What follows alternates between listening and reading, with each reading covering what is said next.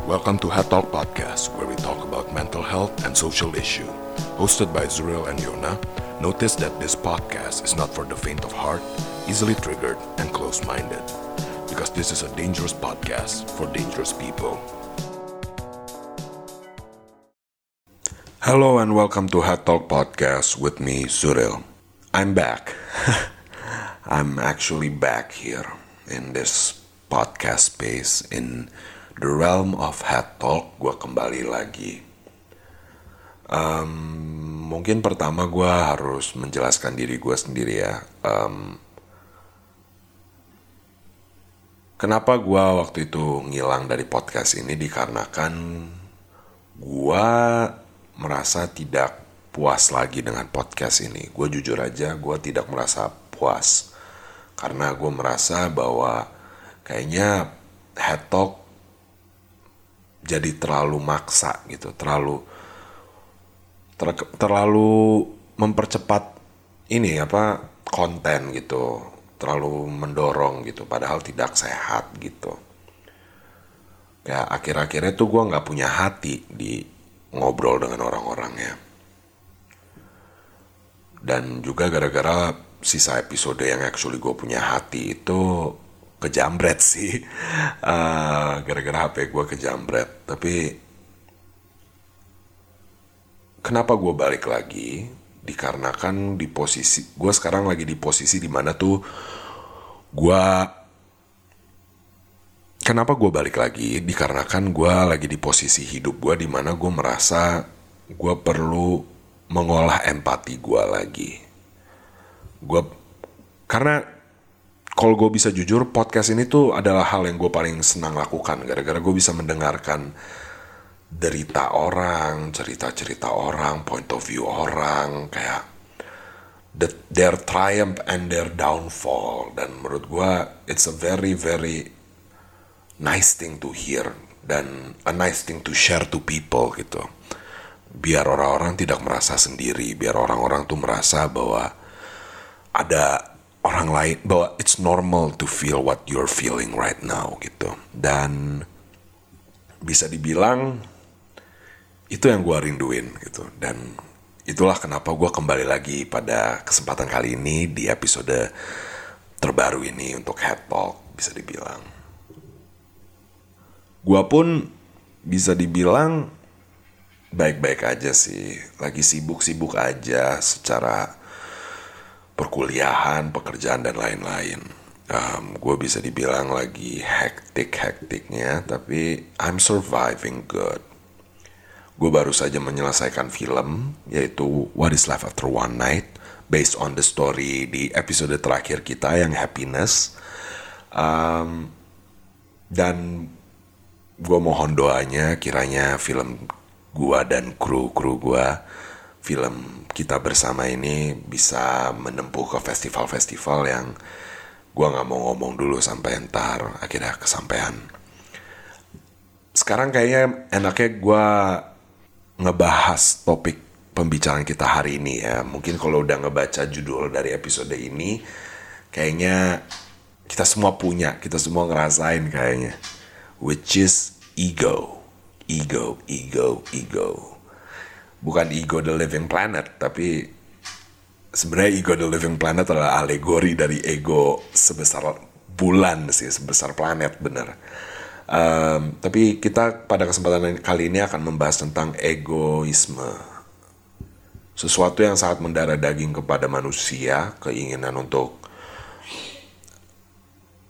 keinginan untuk besar lah bisa dibilang egoisme itu keinginan untuk kayak memenuhi diri hasrat. Saya bilang nafsu untuk memenuhi nafsu. Um, dari gua sendiri gua adalah orang yang egois. Gua adalah orang yang cukup egois terhadap banyak hal sih terutama perasaan gua mungkin gue ada orang yang egois yang tidak terlalu memikirkan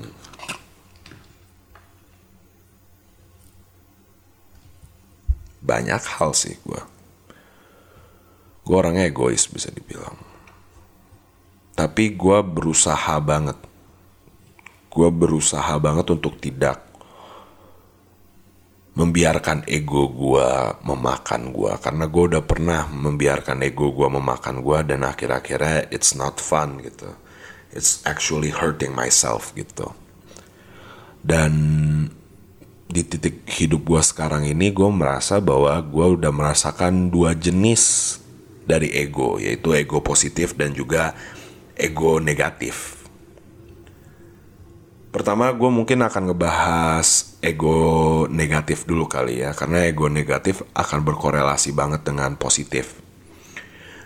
Dari negatifnya ini Mungkin bisa kita lihat dari gue berdamai dengan masa lalu gue Setelah gue berdamai dengan masa lalu gue Setelah gue kayak ngobrol banyak banget di head talk ini Dan gue udah merasa kayak Ya gue udah bisa melepaskan masa lalu gue ego gue naik di situ. Gue merasa gue itu udah paling mateng. Gue udah gue merasa bahwa diri gue tuh yang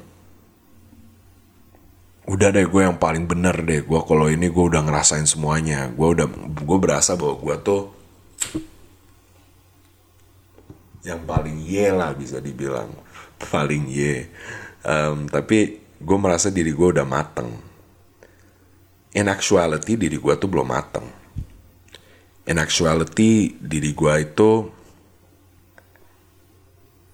masih berproses dan gak akan berhenti untuk berproses gitu. Gue sangat tidak, gue sangat benci dengan mindset gue yang waktu itu bahwa diri gue udah mateng karena gue sudah berdamai dengan masa lalu, gue sudah melewati masa-masa gue yang paling sulit. Gue benci banget dengan mindset itu gara-gara tidak gue nggak mateng dan sampai kapan pun manusia tidak akan pernah mateng gitu. Bahwa akan selalu lanjut terus proses itu. Derita-derita baru akan selalu datang dan lu nggak bisa puas begitu aja dengan diri lu menghadapi masalah dulu yang cukup ini it's a process gitu. Dengan lu nge-label diri lu mateng itu adalah sesuatu yang sangat narsistik dan sangat egosentris menurut gua. And I hate that about myself at that time. Dan untungnya gue sekarang mengaku bahwa tidak bahwa diri gue itu belum mateng bahwa diri gue itu masih akan berproses itu pun yang gue temuin di dalam podcast ini mungkin. Di dalam podcast ini gue akhirnya sadar gitu. Gue akhirnya membuka mata gue bahwa no gue tuh belum mateng gitu. Bahwa gue tuh masih belajar banyak dari cerita-cerita orang gitu. Cerita-cerita orang ini membantu gue untuk mempersiapkan diri gue untuk masalah-masalah yang mungkin akan mendatang yang mungkin mirip dengan mereka. Dan podcast ini dengan gue berbicara dengan orang-orang dengan gue mendengarkan cerita-cerita orang derita-derita orang itu it's quite humbling. It's quite a reality slap in the face buat gue gara-gara menyadarkan gue bahwa gue itu adalah orang yang masih berproses gitu. Bahwa gue nggak akan berhenti untuk berproses gitu. Dan gue nggak boleh puas dengan apa label gue sudah berdamai dengan masa lalu gue happy is okay gitu. You're happy that you're moving on from your past. It's okay. Tapi it doesn't mean you think you're the shit gitu. Jay you're the shit. Ya yeah. gue di titik itu sih dan gue berharap banget gue akan bisa stay di situ dan tidak tidak jatuh ke titik di mana gue melabel diri gue mateng lagi. Karena tidak gue tidak akan pernah mateng. Gue akan selalu berproses. Dan sekarang mungkin turun ke ego positif kali ya. Kalau untuk ego positif bisa dibilang ego positif gue adalah pendirian gue adalah memiliki pendirian.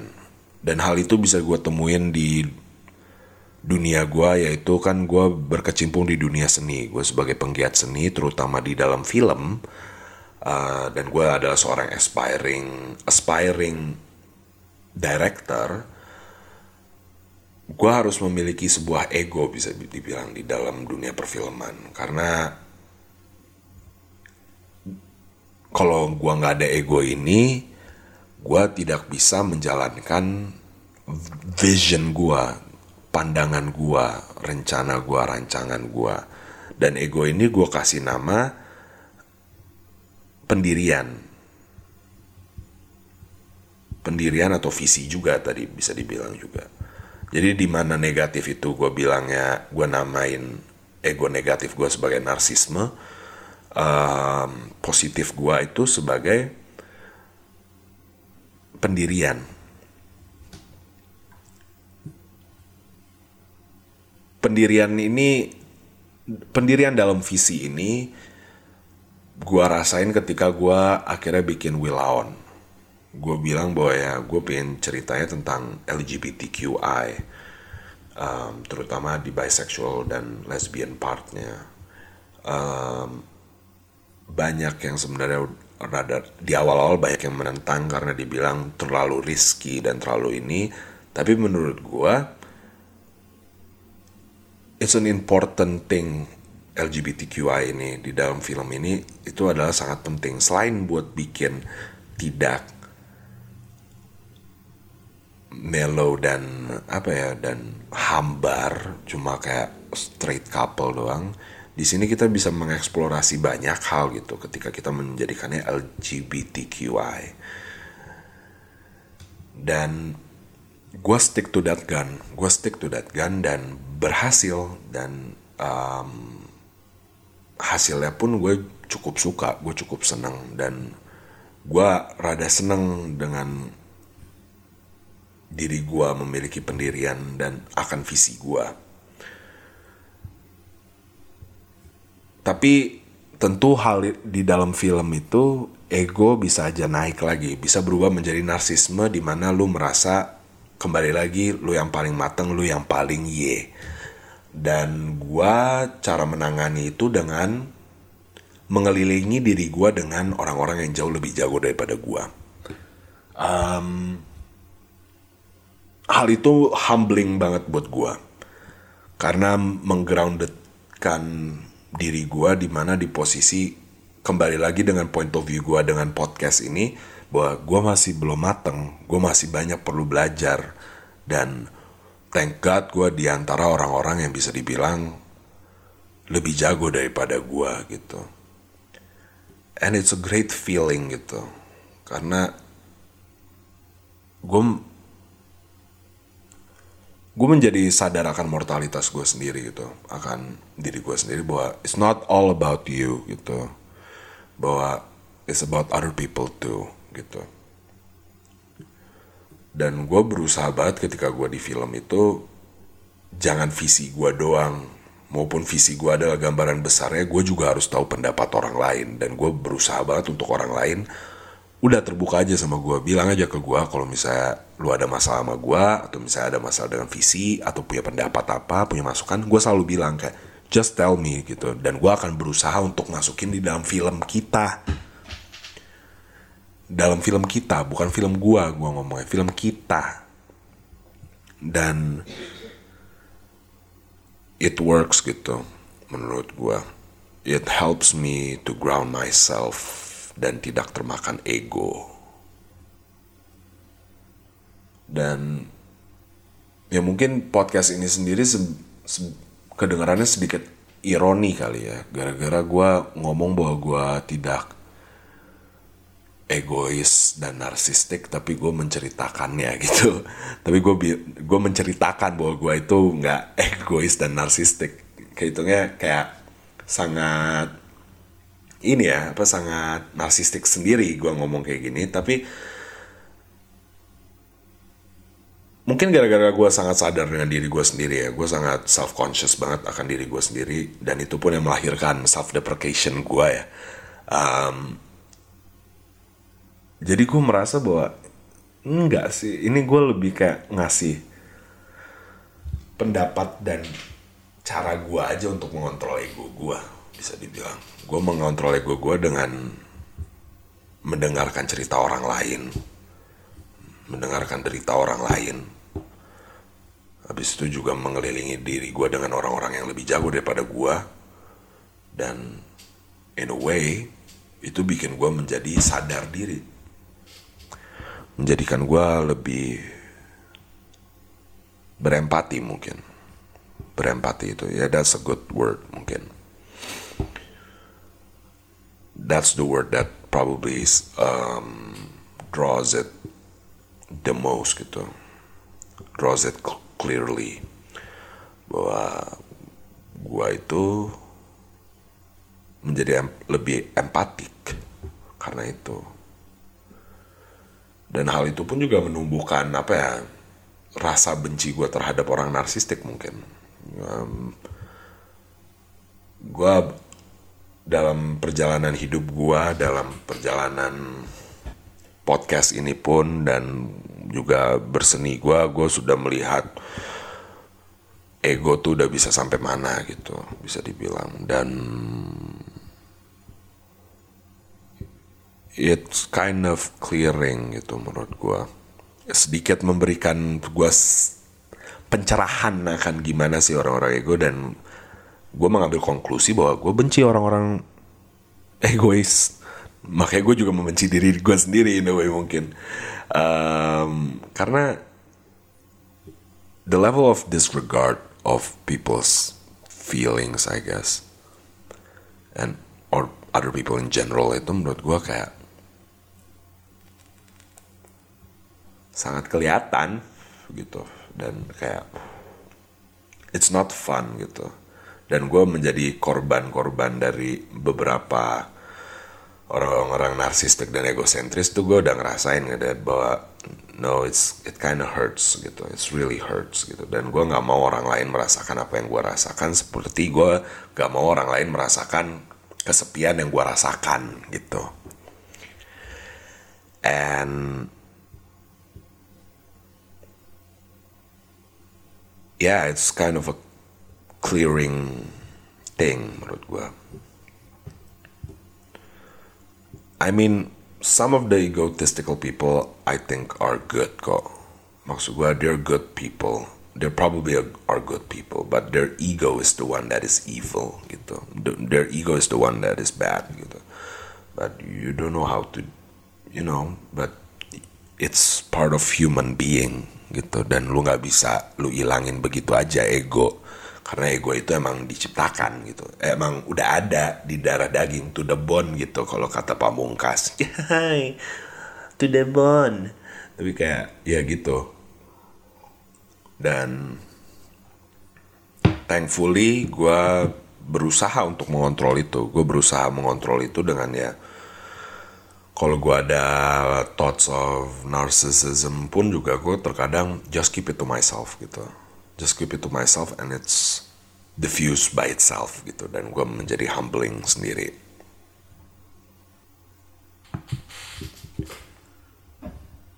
So basically kalau dari gue sendiri buat all of y'all people kembali lagi sih menurut gue self reflection is a very very good thing to have gitu. Self consciousness about yourself in a good way ya bukan sampai jangan sampai self deprecation ya. Tapi um, it's a good thing to have. It's a it's a healthy thing to do because it maintains your ego in a way. Dengan mengelilingi diri kalau di dalam dunia pekerjaan mengelilingi dengan orang-orang yang lebih jago daripada lu it's also helps because it's humbling you to a point where you know that you're still processing. Intinya itu aja sih, gue pengen kayak orang-orang tahu bahwa lu nggak akan pernah matang gitu. Lu nggak akan pernah matang secara emosional, secara apa, secara apa, maupun lu udah berdamai dengan masa lalu lu, lu udah merasa masa lalu lu udah lewat. Sure, but lu masih akan selalu berproses dan jangan pernah nganggap diri lu matang gitu hidup panjang belajar itu nggak akan ada hentinya. Terutama belajar menjadi manusia. Tidak ada hentinya itu. Jadi ini dia ya episode terbaru untuk Head Talk ya. Um, gue berterima kasih kepada kalian yang udah ngedengerin podcast Head Talk dari awal sampai akhir yang udah mau ngikutin dari dulu sampai sekarang akhirnya kita balik lagi. Um, gue akan berusaha untuk kembali lagi ke making content here. Dan gue akan membawa pembicaraan dengan orang-orang yang menurut gue interesting dan probably amazing. Dan ya begitu aja sih dari gue so thank you for listening. Let's stop talking and go back to our head